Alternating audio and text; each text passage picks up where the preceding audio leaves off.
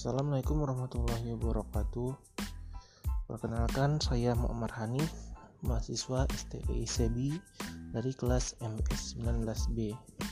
Di sini saya akan menjawab soal dari mata kuliah fikih muamalah. Ya, kita langsung saja. Pertanyaan pertama. Perbedaan antara tasaruf, janji, dan akad.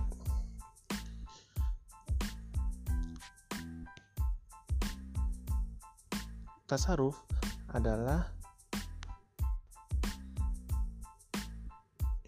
segala sesuatu atau perbuatan yang bersumber dari kehendak seseorang dengan syar'a, menetapkan atasnya sejumlah akibat hukum. Sedangkan akad adalah perikatan yang ditetapkan dengan ijab kabul berdasarkan ketentuan syar'a yang berdampak pada objeknya. Jadi, akad bisa dikatakan bagian dari macam-macam tasaruf. Sedangkan janji adalah uh, persetujuan antara satu pihak kepada pihak lainnya. Namun hanya mengikat satu pihak, yakni pihak yang memberi janji untuk melaksanakan kewajibannya.